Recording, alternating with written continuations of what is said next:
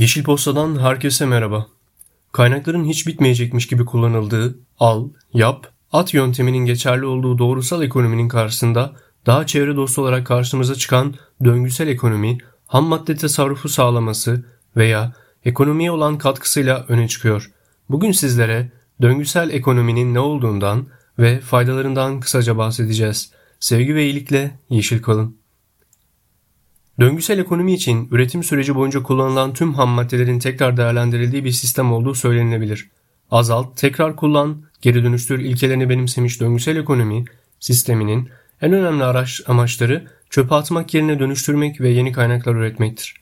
Bu sistemle birlikte atık oluşumu en aza indirilirken malzemeler ve kaynaklar kullanımlarının sonunda ürün döngüsüne geri döndürülerek değerlerinin uzun süre korunması hedeflenir. Kaynaklar ekonomi içinde mümkün olduğunca uzun süre tutulur.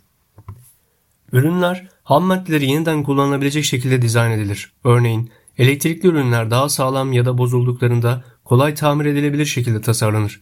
Bu ürünler kullanılamayacak hale geldiğinde dahi malzemeleri üretici firma için değerlidir. Aynı malzemeler yeni ürünler için ham madde niteliği taşır.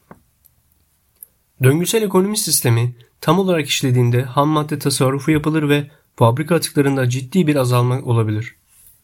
Gündem Pera Müzesi Tema Vakfı ile yaptığı işbirliği kapsamında kristal berraklığı sergisi için çevrimçi turlar düzenliyor. Vakfa yapılacak fidan bağış karşılığında katılım sağlanabilen turlarda sergi rehber eşliğinde 3 boyut olarak gezilecek. Ekipten öneriler Döngüsel Ekonomi Haftası 1-5 Mart tarihleri arasında çevrimçi olarak gerçekleşecek.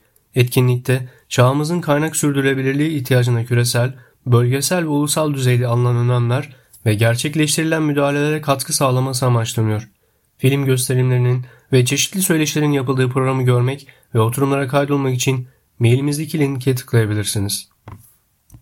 Nil kıyısından Geçen haftalarda 9 gezegensel sınırı incelerken iklim değişikliği, okyanus asitliği, stratosferik ozon tüketimi ve biyokimyasal akımdan bahsetmiştik. Bu hafta sıra 5. ve 6. sıralarda. Tatlı su kullanımı.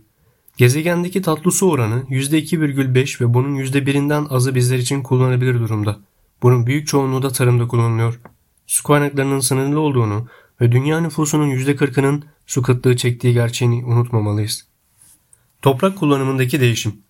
Ormanlar giderek daha fazla tarım arazisine dönüştürülüyor. 2020 yılının ilk 3 ayında Amazonlarda 520 bin kilometre karelik bir alan yok oldu. Hem ormansızlaşma hem de tarımda kullanılan zehirler sebebiyle biyoçeşitlilik de tehlike altında. 2015 verilerine göre bu sistemde sınırın üzerindeyiz. Sevgili Yeşil Posta takipçileri, sevgi ve iyilikle yeşil kalın.